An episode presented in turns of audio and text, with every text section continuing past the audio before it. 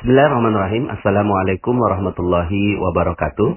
Alhamdulillah, alhamdulillah, wassalatu wassalamu ala rasulillah, amma ba'd.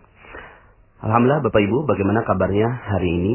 Semoga selalu dalam limpahan keberkahan, kemuliaan dan kejayaan dari Allah Subhanahu wa taala. Semoga saya doakan sahabat magnet rezeki semua juga mendapatkan rezeki berlimpah dari Allah Subhanahu wa taala. Oke, pada kesempatan kali ini saya ingin menyampaikan sebuah materi yang uh, dahsyat ya dan penting sekali ya ketika Anda menjalankan materi ini maka niscaya rezeki Anda berlimpah ruah Bapak Ibu ya. Uh, jadi materi ini penting sekali dan banyak sekali dilewatkan oleh uh, banyak orang ya padahal itu adalah sebuah kunci rezeki ya. Oke. Okay. Uh, tapi memang nggak mudah Bapak Ibu saya menyampaikan materi ini Makanya mohon maaf ya saya sempat janji bahwa saya akan menyampaikan materi ini tapi saya tunda karena ada satu materi yaitu merawat terumbu karang yang harus saya sampaikan terlebih dahulu ya.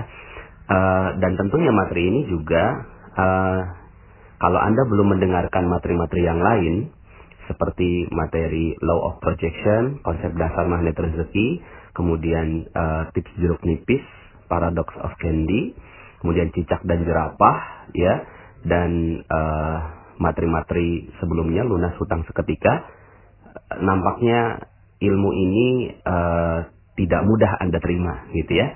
Jadi saya berharap Anda sudah dengarkan dulu, sudah banyak sekali ada garpu tala, kemudian merawat terumbu karang. Jadi kalau seandainya Anda sudah sampai di uh, apa audio sekarang ini, tapi Anda belum mendengarkan audio-audio yang sebelumnya, saya sarankan jangan dilanjutkan Bapak Ibu, matikan audio ini lalu kemudian Anda coba dengarkan uh, yang lainnya ya. Bukan apa-apa karena materi ini akan uh, dipahami berbeda ya. Dipahami berbeda dengan sudut pandang yang berbeda kalau Anda belum mendengarkan audio-audio saya sebelumnya ya. Oke Bapak Ibu ya. Ya siap ya. Jadi kalau Anda belum mendengarkan langsung matikan saja. Silakan Anda dengarkan lagi yang materi yang sebelumnya. Insya Allah nanti akan sampai juga di materi ini. Karena materi ini dahsyat Bapak Ibu. Materi ini akan uh, membuat Anda semua akan dapatkan rezeki berlimpah dari Allah Subhanahu wa taala ya. Judul materinya adalah jurus jitu menarik piutang. Gitu Bapak Ibu ya. Jurus jitu menarik piutang.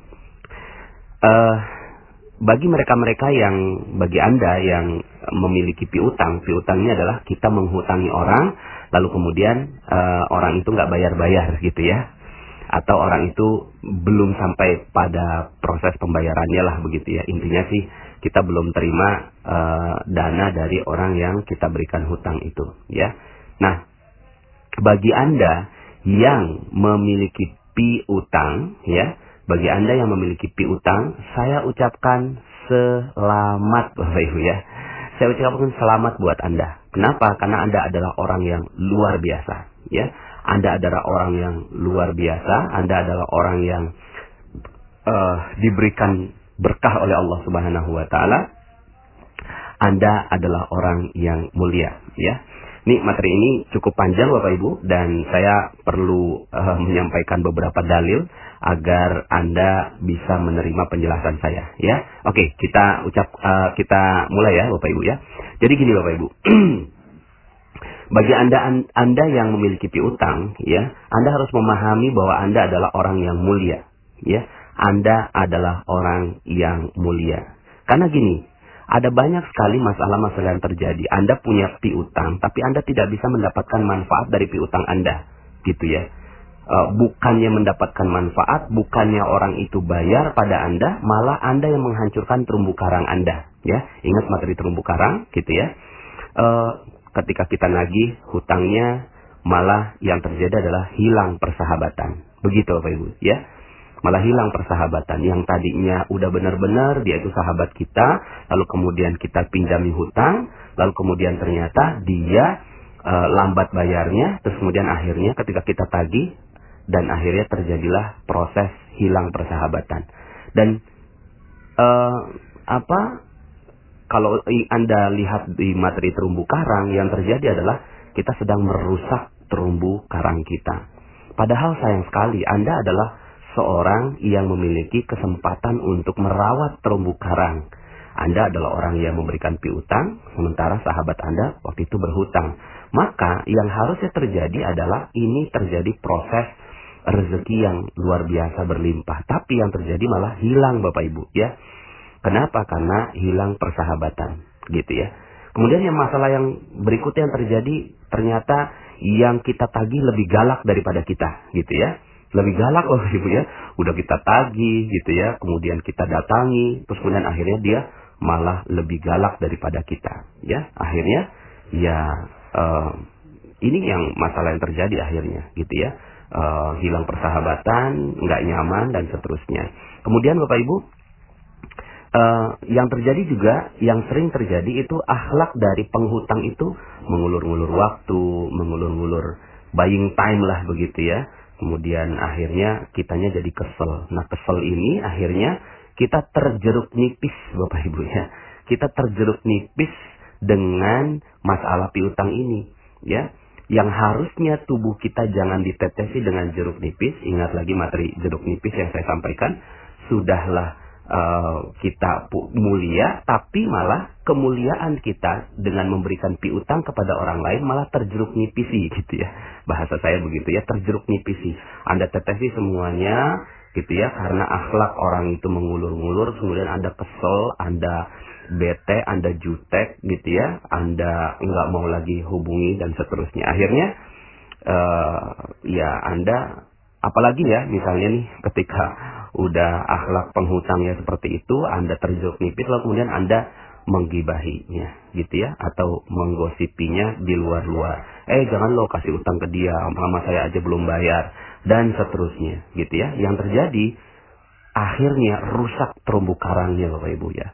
Akhirnya yang terjadi adalah bukannya kita mendapatkan uh, apa harta kita kembali, malah yang terjadi adalah harta yang sudah ada yang bagus-bagus kita dapatkan itu malah hilang Bapak Ibu. Ya, makanya jangan sampai akhirnya ini terjadi. Makanya saya ucapkan kepada Anda selamat ya, selamat Anda adalah orang yang mulia, Anda adalah orang yang tinggi, Anda orang yang memiliki piutang gitu kan. Anda memiliki harta di orang lain gitu ya. Jangan sampai akhirnya ketinggian Anda ini, kemuliaan Anda ini turun derajatnya hanya gara-gara tidak tepat dalam bersikap pada urusan piutang ini Bapak Ibu ya. Maka Bapak Ibu, ya, saya akan sampaikan beberapa uh, kemuliaan-kemuliaan bagi Anda ya. Dalam sebuah hadis ya Rasulullah SAW itu menyebutkan bahwa orang yang uh, memberikan pinjaman ya, orang yang memberikan pinjaman itu lebih mulia Bapak Ibu ya daripada orang yang bersedekah. Gitu Bapak Ibu. Kok bisa ya? Jadi memberi hutang itu lebih mulia daripada orang yang bersedekah. Kenapa ya? Kenapanya? Ya mungkin kita bisa ambil logika ya. Misalnya kalau kita berikan sedekah kepada orang lain ya, maka yang terjadi adalah uh, instan begitu aja. Ketika kita berikan kepada orang lain terus kemudian kita sedekah selesai, nggak ada urusan uh, lagi setelah itu. Ya. Kemudian uh, orang yang diberikan sedekah hilang tanggung jawabnya, ya, hilang, ya, uh, tanggung jawabnya. Sementara kalau kita berikan pinjaman, orang akan bertanggung jawab gitu. Jadi kita latih orang untuk bertanggung jawab. Misalnya ada orang yang datang pada kita, uh, apa namanya, saya lagi kesusahan, kemudian uh, tolong dong saya diberikan uang gitu kan. Jauh lebih baik, jauh lebih mulia ketika anda katakan, e, maaf nih saya kayaknya nggak bisa kasihin uang tapi gitu kan saya bisa kasihin pinjaman mau nggak kamu? Gitu. Nah proses ini lebih mulia daripada proses memberikan sedekahnya gitu ya. Kalau anda memberikan uh, apa namanya pinjaman akhirnya jauh lebih mulia. Perkara nanti dia nggak bayar itu nanti kita akan bahas gitu ya. Yang jelas proses memberikan pinjaman itu lebih mulia daripada hanya memberikan sedekah karena terjadi tanggung jawab di situ. Kemudian yang kedua Bapak Ibu, ketika kita berikan kepada orang yang tadi membutuhkan, ketika kita kasih sedekah, maka bisa jadi yang memberi, yang memberi sedekah itu merasa mulia. Akhirnya muncul ujub, ria, sombong, takabur, sum'ah. Ada uh, fitnahnya ke arah sana. Tapi kalau seandainya Anda memberikan pinjaman, gitu ya. Maaf ini kan kita pinjaman gitu. Anda bisa terhindar dari sikap seperti itu, ya. Dari dari uh, fitnah hati yang membuat Anda akhirnya merasa lebih uh, lebih mulia dan uh, orang yang ada di depan Anda lebih hina atau orang yang meminjam itu merasa dirinya hina gitu ya. Tapi kalau pinjam, maaf ya, ini saya nggak kasihin sedekah, tapi kita pinjam nih gitu ya. Saya kasihin pinjaman ke kamu. Akhirnya yang terjadi adalah itu sama rata loh Ibu, apa uh, sederajat gitu. Ya, maka kalau Anda ingat materi terumbu karang, yang kita lakukan adalah kita membahagiakan sekaligus memuliakan. Kalau sedekah saja itu hanya bahagia. Orang iya bahagia dengan diberikan sedekah, tapi belum tentu mulia. Tapi kalau dalam pemberian pinjaman yang terjadi adalah uh, dia tetap mulia dan dia tetap bahagia. Begitu Bapak Ibu. Pada saat pemberiannya ya, nggak tahu nanti pas pada saat bayar nanti kita akan bahas gitu ya. Yang jelas pada saat proses pinjamannya itu ya uh, sangat mulia. Makanya Rasulullah SAW ya itu bersabda dan ini hadisnya riwayat Ibnu Majah dan Baihaqi. Saya belum teliti uh, derajatnya tapi cukup baik untuk kita ambilkan sebagai satu dalil. Pada malam aku diisra, diisrokan ya, atau dimi'rajkan, aku melihat tulisan di atas pintu surga. Ya, tulisannya apa?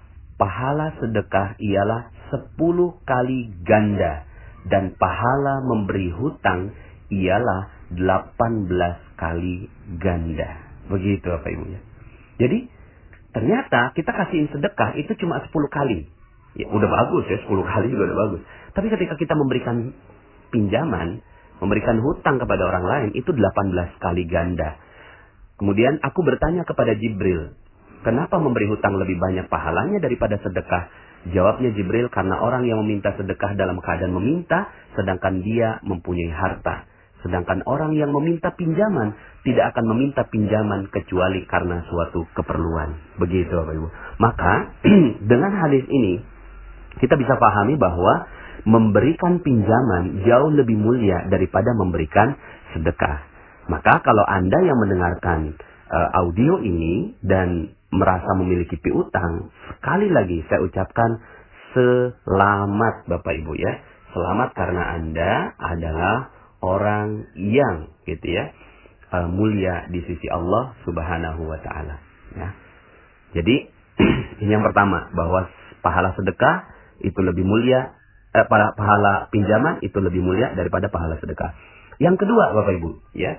Yang kedua dalam sebuah hadis disebutkan barang siapa yang melepaskan saudaranya dari kesusahan di dunia, niscaya Allah akan melepaskannya dari kesusahan di akhirat. Gitu Ibu ya. Jadi subhanallah ketika Anda melepaskan kesusahan seseorang gitu. Uh, kalau ini hadis riwayat Muslim nomor 2699. Barang siapa yang meringankan sebuah kesusahan atau kesedihan seorang mukmin di dunia, Allah akan meringankan kesusahannya pada hari kiamat. Barang siapa memudahkan urusan seseorang yang dalam keadaan sulit, Allah akan memberinya kemudahan di dunia dan akhirat. Begitu, Bapak ya. Akhirnya, anda yang memiliki piutang sekarang adalah seorang yang sudah pernah waktu itu memberikan kebebasan, ya, kemelaratan, kesusahan, kesedihan bagi seorang hamba, ya, hamba Allah.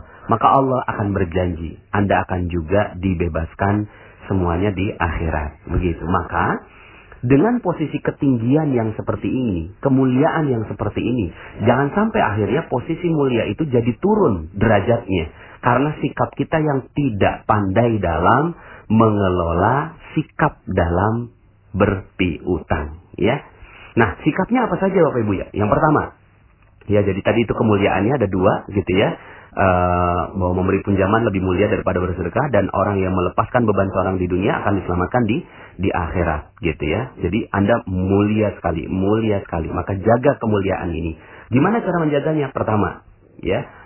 Uh, ikhlas dan ridho terhadap apa yang kita lakukan ini dan apa yang pernah Anda lakukan waktu itu nah, mungkin aduh Pak Nas kan ada beberapa ya yang tes uh, yang konsultasi ke saya Pak Nas gimana ya caranya untuk nagih utang gitu ya kok sekarang sampai sekarang saya belum bisa nagih ke dia gitu ya terus ketika nagih kok dia marah-marah dan seterusnya Bapak Ibu proses ikhlas dan ridho itu diberikan pada saat awal, gitu.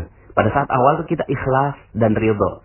Ikhlas ini ya kita berikannya ikhlas, pinjamannya ikhlas, kemudian ridho menerima apa pun kondisinya dia, gitu kan, dengan mempermudah syaratnya, begitu. Terus kemudian ikhlas dan ridho ini terus kita jaga sampai uangnya diterima kembali.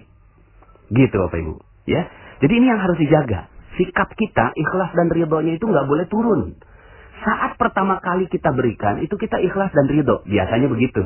Tapi pada saat kok ya kita lagi butuh, dianya kagak ngembaliin, itu langsung turun derajat kita Bapak Ibu.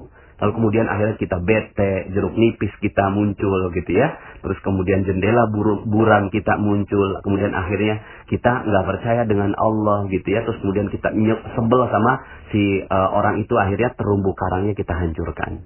Maka Bapak Ibu ya, yang harus kita lakukan adalah jagain nih ikhlas dan ridhonya sampai itu uang kembali gitu. Kalau Anda berhasil kalau Anda berhasil menjaga keikhlasan dan keridoan ini, maka insya Allah, insya Allah rezeki Anda akan terbuka Bapak Ibu. Dan ternyata memang salah satu perisainya karena ini, karena Anda nggak tenang, nggak nggak ikhlas, nggak ridho pada saat Anda uh, uangnya tertahan. Dan sebenarnya tertahannya juga bukan karena orang itu. Saya yakin orang itu kalau udah punya uang, gitu ya, pasti ngembaliin kok. Tapi siapa coba yang nahan itu uang? gitu ya siapa yang nahan tuh orang? Akhirnya nggak dapetin rezeki. Karena Allah juga. Allah yang nahan rezekinya. Nggak mungkin gitu ya kalau Allah mau kasih rezeki mah gampang aja. Kalau Allah mau kasih hidayah pada dia eh gitu ya kamu tuh rezekinya nggak nggak eh, terbuka karena kamu punya utang sama si fulan. Lalu kemudian dia bersegera memberikan uh, apa hutangnya pada kita hartanya pada kita begitu bapak ibu maka bapak ibu ya ini yang harus Anda lakukan, yang harus kita lakukan. Ya, saya juga latihan ketika saya punya piutang, ya udah ikhlas dan ridho sampai ujungnya, gitu ya. Karena begini, mungkin pada saat kita berikan hutang kepada orang lain, sekarang mungkin kita sedang punya Bapak Ibu. Pas kita lagi punya. Dan itu juga bukan milik kita juga toh. Itu juga milik Allah kan. Ya pada saat kita berikan kepada dia, nih saya kasih ke kamu ya, gitu ya. Saya kasih ke kamu gitu. Pada saat itu mungkin kita lagi punya dan dia lagi nggak punya Bapak Ibu. Tapi satu saat bisa nggak keadaannya berbalik? Bisa Bapak Ibu. Pada saat kita yang lagi butuh dan dia yang lagi punya. Maka sudah ikhlas dan ridho terus sampai akhir. Karena Anda ingin menjaga gitu kan posisi mulia Anda di sisi Allah ya dan ingin membantu kondisi uh, apa kesulitan saudara Anda, maka ya sudah bismillah ikhlas dan ridho tentang itu sampai uangnya kembali. Gitu ya. Jadi kalau seandainya Anda sekarang ini masih ada yang terjeruk nipisi dengan piutang Anda yang belum kebayar ya, sampai detik ini penjelasan saya mudah-mudahan Anda bisa oke okay, ya, semuanya hanya jeruk nipis gitu kan, lepasin Bapak Ibu. Ikhlas dan ridho. Yang kedua, tentunya ya sikap yang harus kita lakukan ketika memberikan piutang, sunnahnya untuk ditulis. Ada satu ayat yang panjang sekali di dalam Al-Quran, gitu ya. Panjang sekali ayatnya, di, dan itu adalah ayat terpanjang di dalam surat Al-Baqarah, ya. Itu kaitannya dengan sunnah ini, untuk menulis Bapak Ibu. Agar apa? Agar ketika terjadi konflik, itu uh, ada rujukannya, gitu ya. Ya, saya juga uh, materi ini untuk saya juga kadang-kadang saya juga nggak nulis ya. Tapi Bismillah Insya Allah mudah-mudahan kita bisa menulis ini. Tulisannya agar kita menjadi punya rujukan pada saat terjadi uh, perbedaan pendapat. Kemudian yang ketiga ya, yang ketiga, nah ini dia ya, yang namanya proses pinjaman dan Anda ingin mendapatkan berkah dari rezeki piutang, syarat yang nomor tiga. Syarat yang nomor tiga adalah piutang tidak boleh dikenakan tambahan. Gitu Bapak Ibu. Tidak boleh dikenakan tambahan. Ketika Anda mengenakan tambahan, maka proses keberkahan dari piutang itu langsung hilang. Ya, langsung hilang. Jadi, ya, kalau Anda mau kasihin pinjam ke orang, itu nggak boleh ada tambahannya Bapak Ibu. Ya, Nggak boleh ada tambahannya. Tapi kan ada inflasi. Wah, itu mah inflasi buatan-buatan lah. Itu mah inflasi kan uh, cuma 6% toh, tapi kemuliaan dari Allah bisa 18 kali lipat tadi, gitu ya. Jadi udah kita udah nggak usah mikirin bagaimana kita bisa bertambah. Kalau mau tambah itu bukan piutang namanya. Itu proses jual beli gitu, murabahah atau mudorobah atau musyarakah. Ya, uh, itu nanti babnya bahasanya kita beda lagi nanti kita akan bicara tentang muamalah jual beli dan seterusnya. Tapi ini sekarang piutang kan? Kalau bicara piutang nggak boleh ditambah nggak boleh diancam. Eh kamu nanti kalau telat bayar nanti saya akan tambah loh. Gitu. Saya akan tambah loh. Bapak Ibu, kalau sampai kita melakukan ini maka seluruh keberkahan dari rezeki piutang itu akan hilang. Ya, maka hati-hati jangan sampai ada biaya tambahannya. Makanya uh, nggak gampang nih urusan ini. Kita hanya bisa nanti saya akan kasih solusinya. Selanjutnya gimana? Pokoknya intinya terima dulu ini gitu ya bahwa sikap kita nggak boleh minta tambahan. Berikutnya adalah ya uh, melonggarkan syarat gitu. Melonggarkan syaratnya bahkan membebaskan. Gitu Bapak Ibu. Dalam sebuah hadis riwayat Tirmizi, barang siapa yang memberikan kelonggaran waktu pada hutangnya orang fakir dan miskin, gitu ya, atau bahkan membebaskannya, maka Allah akan memberikan kepadanya naungan di hari kiamat di bawah naungan arsnya. Ketika tidak ada naungan kecuali naungannya. Gitu Pak. Ya. Jadi meringankan syaratnya. Jadi kelonggaran waktu gitu ya. Jadi ketika itu ketika kita nagih gitu ya, maka kita pada saat itu kita kasih longgar gitu. Kita kasih kasih longgar. Ya. Kasih longgar kepada orang yang uh, apa berhutang pada kita ya dan ini uh, dalam sebuah hadis riwayat Bukhari nomor 2076 rahimallahu rajulan samhan idza ba'a wa idza ishtara wa idza wa idza irtada wa idza iqtada ya. Semoga Allah merahmati seorang yang bersikap mudah ketika menjual ketika membeli dan ketika menagih hutang ya. Nah akhirnya yang harus kita lakukan uh, benar-benar menjaga terumbu karang Bapak Ibu. Ya, jagain terumbu karang ini baik-baik sehingga akhirnya ketika kita menagih juga ya, ketika kita menagih itu sampai orang tuh nggak takut sama kita. Yang sekarang terjadi kan beda. Kita pakai debt collector, kita ancam harus ke polisi, kita ancam ke pengadilan. Aduh, malah itu ya Allah nggak kasih berkah gitu. Ya Allah nggak kasih naungan pada kita. Padahal ketika kita melonggarkan, kita datang nih misalnya. Terus kita datang gitu kan. Mungkin dia udah takut duluan ya Ibu ya. Oh kalau kita mau tagih. Enggak, enggak, enggak. Udah ada belum uangnya? Belum ada. Oh ya udah ya silahkanlah gitu kan. Seperti itu. Gitu ya. Ya. Uh, jadi uh, ketika Anda melakukan itu, maka insya Allah Allah Subhanahu wa taala akan memberikan kemudahan kepada kepada Anda. Ya misalnya dalam hadis Ibnu Umar dan Aisyah radhiyallahu anhuma Rasulullah SAW bersabda man haqqan ya falyatlubhu fi afafin wafin au ghairi wafin. Siapa saja yang ingin meminta haknya hendaklah dia meminta dengan cara yang baik-baik pada orang yang mau menunaikan ya pada orang yang mau menunaikannya ataupun enggan menunaikannya. Ya ini hadis riwayat Ibnu Majah 1965 dalam hadis lain Abu Hurairah radhiyallahu an ya khudh haqqak ya khudh haqqak fi afafin wafin au ghairi wafin. Ambillah hakmu dengan cara yang baik pada orang yang mau menunaikannya ataupun enggan menunaikannya gitu ya. Ini hadis riwayat juga Ibnu Majah 1966 ya. Jadi Bapak Ibu eh, ketika kita mampu melakukan ini nggak gampang kan ya saya yakin nggak gampang dan anda merasa aduh gitu ya kok harus kayak begitu gitu ya Uh, karena Allah juga yang yang sampaikan ini dalam Al-Qur'an surat Al-Baqarah ayat 280. Wa in kana dzu usratin wa naziratun ila maisarah wa an tasaddaqu khairul lakum in kuntum ta'lamun. Dan jika orang yang berhutang itu dalam kesukaran, maka berilah tangguh sampai dia berkelapangan dan menyedekahkan sebagian atau semuanya gitu ya dibebaskan aja sekalian lebih baik bagimu jika kamu mengetah mengetahui gitu ya Nah, Bapak Ibu, inilah akhlak dalam dalam menagih, memberikan tangguh, berbuat baik, ya, melonggarkan syarat, bahkan membebaskan, gitu. Luar biasa Bapak Ibu ya. Jadi um, ini hadisnya banyak sekali, hadis surat Muslim nomor 3006 ya, barang siapa memberi tenggang waktu bagi orang yang berada dalam kesulitan untuk melunasi hutang atau bahkan membebaskan utangnya, maka dia akan mendapatkan naungan dari Allah Subhanahu wa taala. Ya, dalam hadis riwayat Ahmad gitu ya. Barang siapa ingin mendapatkan naungan Allah Azza wa Jalla, hendaklah dia memberi tenggang waktu bagi orang yang mendapatkan kesulitan untuk melunasi hutang atau bahkan dia membebaskan hutangnya, gitu ya. Jadi masya Allah ya kalau seandainya kita melakukan ini ya ini adalah akhlak orang yang uh, menagih gitu ya maka ini Allah akan berikan keberkahan untuk anda. Ini ada cerita ya uh, tentang Abu Qatadah gitu ya bahwa uh, ternyata Abu Qatadah menagih dan orang itu benar-benar dalam kesulitan ya. Kemudian dikonfirmasi.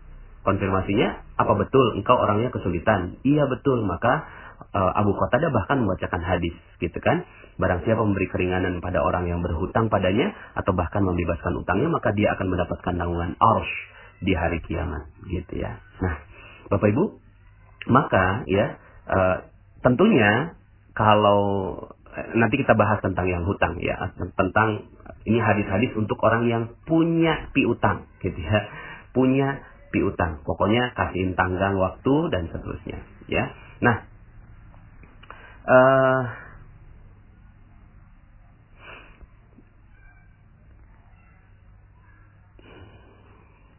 Nah, jadi Bapak Ibu,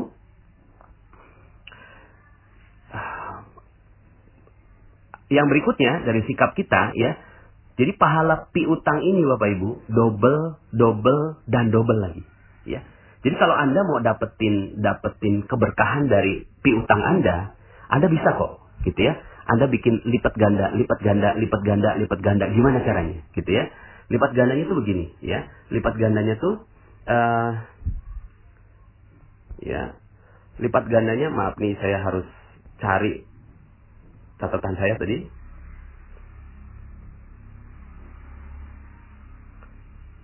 nah ini dia ya dari Sulaiman bin Buraidah gitu ya e, barang siapa memberi tenggang waktu pada orang yang berada dalam kesulitan gitu ya jadi dia memberi tenggang waktu pada orang yang berada dalam kesulitan yaitu hutangnya maka setiap hari sebelum batas waktu pelunasan, dia akan dinilai bersedekah senilai pinjamannya itu. Jadi misalnya gini, Anda pinjemin orang 5 juta, ya, lalu kemudian batas waktunya 3 bulan. Selama 3 bulan itu, maka Anda dapetin bersedekah 5 juta, 5 juta, 5 juta, 5 juta, dihitung di sisi Allah. Sampai 3 bulan. Dahsyat Bapak Ibu ya. Jadi Anda kalau mau dapetin berkahnya, dari piutang Anda, ini caranya, gitu ya. Jika utangnya belum dilunasi, gitu ya, lalu dia masih memberikan tenggang waktu setelah jatuh tempo, maka setiap harinya akan dinilai telah bersedekah dua kali lipat dari nilai piutangnya. Gitu Bapak Ibu. Jadi misalnya tiga bulan, ya itu dapat tuh 5 juta, 5 juta, 5 juta, 5 juta selama tiga bulan. Itu dapat pahalanya senilai itu di sisi Allah. Lalu kemudian setelah tiga bulan, kita udah eh, ini kita datang nih maaf, ini kan udah batas waktu, bisa nggak? Aduh maaf, saya belum bisa benar-benar deh, saya belum bisa. Oke, gitu kan? Saya kasih waktu lagi, kurang lebihnya enam bulan ke depan atau tiga bulan ke depan. Nah maka selama tiga bulan ini, maka itu lipat ganda loh ibu, 10 juta, 10 juta, 10 juta, 10 juta, 10 juta, gitu. Nah mungkin gitu ya, setelah selesai dari enam bulan itu, kalau lihat dari uh, hadisnya, Seandainya dia nggak bayar lagi, gitu ya, datangin lagi, datangin lagi dengan akhlak yang baik, ya. Bahkan kita, kita kasihin hadiah, gitu ya, kita kasihin martabak lah begitu ya. Aduh, gitu ya, sampai akhirnya dia merasa nggak enak. Tapi nggak apa-apa, kita bukan bukan tujuannya untuk merasa nggak enak kok. Kita bilang gitu kan, gimana? Apa sudah bisa membeba, uh, udah bisa dibayar? belum bisa ya udah saya kasih tiga bulan lagi itu jadi 15 juta lima 15 juta 15 juta 15 juta 15 juta Allah alam ya ini sesuai dengan dengan hadisnya gitu ya dan ini dikatakan hadis ini sahih maka kalau seandainya anda mau dapetin rezekinya dari dari ya uh, piutang anda begini bapak ibu ya apalagi kalau anda pas dia udah nggak bisa lagi beneran nih kamu udah nggak bisa ya udah deh saya bebaskan. Ketika dibebaskan, maka langsung harus berguncang dan mencatat Anda adalah orang yang pantas untuk mendapatkan naungan dari sisi Allah Subhanahu wa taala. Nah, selama ini gitu ya, gimana cara kita dalam menagih piutang? ya. Selama ini yang kita lakukan adalah merendahkan orang yang berhutang pada kita. Kita rendahkan dia. Kita hina dia. Kita omongin di depan orang lain dan seterusnya. Malah yang terjadi adalah kerusakan buat diri kita sendiri. Ya. Nah, Bapak Ibu, itulah kira-kira sikap-sikap yang harus ditunjukkan dan kalau Anda melakukan itu, maka insya Allah sebentar lagi rezeki Anda itu akan berlipat ganda. Ya udahlah, gini aja ya pada saat itu udah kita udah nggak nggak usah nagih kepada orang itu gitu ya. Ke orang itu tuh cuma bermuamalah aja gitu.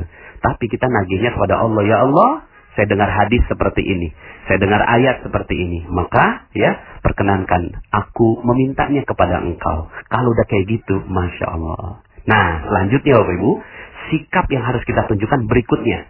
Kan ini udah terjadi nih ya. Udah terjadi piutangnya. Ya udahlah Begitulah akhlak Anda dalam menagih piutang. Nah sekarang gimana berikutnya? Berikutnya, prinsip untuk berikutnya kalau Anda mau mau berikan pinjaman kepada orang lain. Satu, teliti dengan orang yang mau berhutang. Orang yang mau berhutang sama kita teliti betul dan jangan sampai akhirnya berikan kepada orang yang tidak tepat, ya. Mungkin saudara Anda, kerabat Anda, adik Anda, kakak Anda, gitu ya paman Anda, ya orang-orang yang terdekat di sisi Anda, bahkan tetangga Anda mungkin juga lagi perlu pinjaman Anda. Oke, tapi teliti Bapak Ibu. Telitinya apakah orangnya memang kecenderungannya uh, mau menunda-nunda atau tidak, gitu kan? Dan tujuan kita bukan nanti dia bayar nggak ya, bukan, tapi nanti saya bakal baik nggak ya akhlaknya sama dia. Jangan sampai akhirnya ketika saya pinjemin, maka saya turun terumbu karang saya hancur gara-gara saya pinjemin uang ke dia. Jadi yang diperhatikan terumbu karang Bapak Ibu ya, bukan uangnya. Terumbu karangnya yang Anda perhatikan. Jangan sampai akhirnya terumbu karang Anda akan hilang, hancur gara-gara minjemin uang ke dia. Gitu ya. Yang pertama. Yang kedua, kalau Anda udah keluarin uang dalam hal urusan utang, anggap uang itu udah nggak ada Bapak Ibu. Jadi uang itu ada yang ada dipegang. Uang itu yang ada di tangan. Tapi kalau udah nggak ada di tangan, jangan anggap itu uang Anda. Ya. Termasuk misalnya ketika kita pinjemin uang ke orang, 5 juta kita kasih ke orang lain. Maka jangan anggap bahwa Anda masih punya uang di situ. Seandainya balik tuh 5 juta, seandainya balik tuh 5 juta, itu udah hadiah gitu loh. Ya, emang oh alhamdulillah Allah masih kasihin uang itu 5 juta ke kita. Tapi kalau udah kasihin ke orang lain gitu, itu udah bukan di tangan Anda lagi Bapak Ibu. Udah, lepasin aja dan minta sama Allah, ya Allah, saya tiap hari minta 5 juta, 5 juta, 5 juta, 5 juta sampai waktu dia mengembalikannya. Enggak bisa gitu kan? Aduh, enggak bisa. Anda bilangnya begini, yes, alhamdulillah dilipat gandakan jadi dua kali lipat begitu ya. Ya. Kemudian yang ketiga, saat orang minta-minta, gitu ya. Saat orang nih misalnya datang minta-minta kepada Anda. Nanti saya akan bahas tentang meminta-minta. Ketika ada orang yang meminta-minta datang pada Anda, ajak dia untuk bertanggung jawab dengan pinjaman. Gitu ya. Bisa seperti itu. Kemudian yang keempat. Kalau Anda nggak sanggup pinjemin, kalau anda nggak sanggup nih, dia minjam, berharap dan segala macam, tapi anda nggak sanggup nih, aduh kayaknya saya nggak sang, sanggupnya bukan uangnya, nggak sanggupnya bukan karena dia nggak mungkin kembaliin, tapi karena nggak sanggupnya tuh jangan-jangan nanti kalau saya pinjemin, saya akan uh, rusak terumbu karang saya, gitu ya, rusak terumbu karang saya. Maka baiknya ke lembaga, ya, ke lembaga ke Baitul Malka atau Baitul Tamwil gitu kan? Seperti itu ya. Jadi mendingan ke ke lembaga. Ya mudah-mudahan lembaga kita di Indonesia ini akan baik dengan ilmu magnet rezeki ini ya. Dan Bapak Ibu terakhir ya.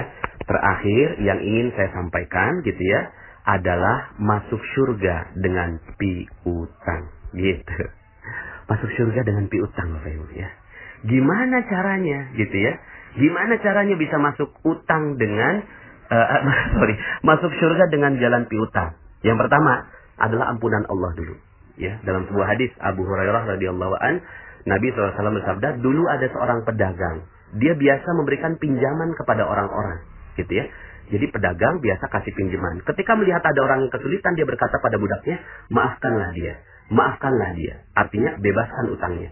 Maka Ya, semoga Allah memberi ampunan pada kita dan semoga Allah pun memberikan ampunan kepadanya. Sampai begitu Bapak Ibu ya. Nah, orang yang seperti ini gitu ya, itu dalam sebuah hadis ya, riwayat Ahmad disebutkan, ada seseorang didatangkan pada hari kiamat. Allah berkata yang artinya, lihatlah amalannya. Kemudian orang tersebut berkata, Wahai Robku, aku tidak memiliki amalan kebaikan. Selain satu kebaikan. Gitu. Jadi, ini orang dihadapkan kepada Allah. Coba lihat catatan amalnya. Eh, nggak ada. Ya sholatnya biasa, ya biasa lah gitu ya. Bukannya bukannya spesial banget. Tahajudnya biasa, duhanya biasa gitu ya kemudian eh semuanya biasa lah gitu ya dia juga nggak nggak spesial spesial banget dia juga mungkin nggak bisa berdakwah gitu kan dia juga mungkin uh, apa namanya uh, tidak ya tidak beramal yang baik-baik yang sempurna begitu ya tapi dia punya satu amalan apa amalannya dulu aku memiliki harta lalu aku sering meminjamkannya pada orang-orang setiap orang yang sebenarnya mampu untuk melunasinya aku beri kemudahan. Begitu pula setiap orang yang berada dalam kesulitan, aku selalu memberi tenggang waktu sampai dia mampu melunasinya. Lantas Allah pun berkata, ya, aku lebih berhak memberi kemudahan. Orang ini pun akhirnya diampuni. Masya Allah. Maka Bapak Ibu, yuk sama-sama kita masuk surga. Ini hadisnya riwayat Ahmad. Syekh Shu'aib Al-Arnaud mengatakan bahwa hadis ini sahih. Ya, Nah ada lagi hadis dari Huzaifah, beberapa malaikat menjumpai ruh orang sebelum kalian untuk mencabut nyawa nyawanya. Kemudian mereka mengatakan, apakah kamu memiliki sedikit dari amal kebajikan? Kemudian dia, dia mengatakan, dulu aku pernah memerintahkan pada budakku untuk memberikan tenggang waktu dan membebaskan utang bagi orang yang berada dalam kemudahan untuk melunasinya. Lantas Allah pun memberi ampunan kepadanya. Hadis riwayat Bukhari nomor 2077. Ya, jadi Bapak Ibu, uh, Sekali lagi saya ucapkan selamat bagi Anda yang punya piutang. Karena Anda adalah orang yang mulia dan jaga kemuliaan Anda itu sampai akhirat. Karena Allah Subhanahu wa taala senang dengan Anda. Senang dan bahagia dengan Anda karena Anda telah pernah memberikan keringanan kepada orang lain dan tetaplah begitu. Berikanlah keringanan kepada orang lain maka insya Allah Allah subhanahu wa ta'ala akan meringankan Anda di dunia maupun di akhirat. Pengalaman banyak sekali teman-teman saya gitu ya, yang mereka akhirnya punya piutang, ya udah deh gitu kan, di ya mau ditagih gimana gitu ya, orangnya juga nggak mau bayar gitu ya, orangnya juga punya akhlak yang nggak bagus, ditagih malah nggak enak gitu. Ya. Awalnya dia uh, bertahan gitu Bapak Ibu, yang nagih dengan keras, nagih dengan kuat tapi kemudian setelah mengerti ilmu jurus jitu menarik piutang ini, akhirnya dia lepasin Bapak Ibu. Karena memang itu adalah belenggu juga. Ya, itu jeruk nipis, terumbu karangnya hancur gitu kan, jendelanya buram. Lepasin. Tas. Pas dilepas Bapak Ibu, Allah benar-benar kasih rezeki buat dia. Diberikan rezeki dari arah yang tidak disangka-sangka. Maka saya akan tunggu testimoni Anda ya.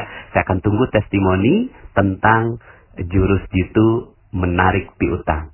Karena ternyata Allah sudah jamin bahwa Allah yang akan bayarin semua piutang-piutang Anda. Bukan manusia. Ya, manusia mah lemah. Manusia mah gak bisa apa-apa. Manusia mah ya terbatas. Tapi Allah maha tidak terbatas. Maka mintalah sama Allah. Ya Allah, saya telah dengarkan ilmu ini. Maka aku lepaskan seluruhnya beban dalam hatiku. Nagi mah nagi aja. Nagi mah datang gitu loh. ya. Uh, nagi datang tapi baik-baik. Kasihin hadiah buat orang yang uh, apa pernah berhutang pada Anda. Lalu kemudian Bapak Ibu, setelah itu Anda akan rasakan nikmat yang luar biasa berada di dalam diri Anda. Oke, sampai jumpa dalam audio-audio berikutnya. Saya Nasrullah. Assalamualaikum warahmatullahi wabarakatuh.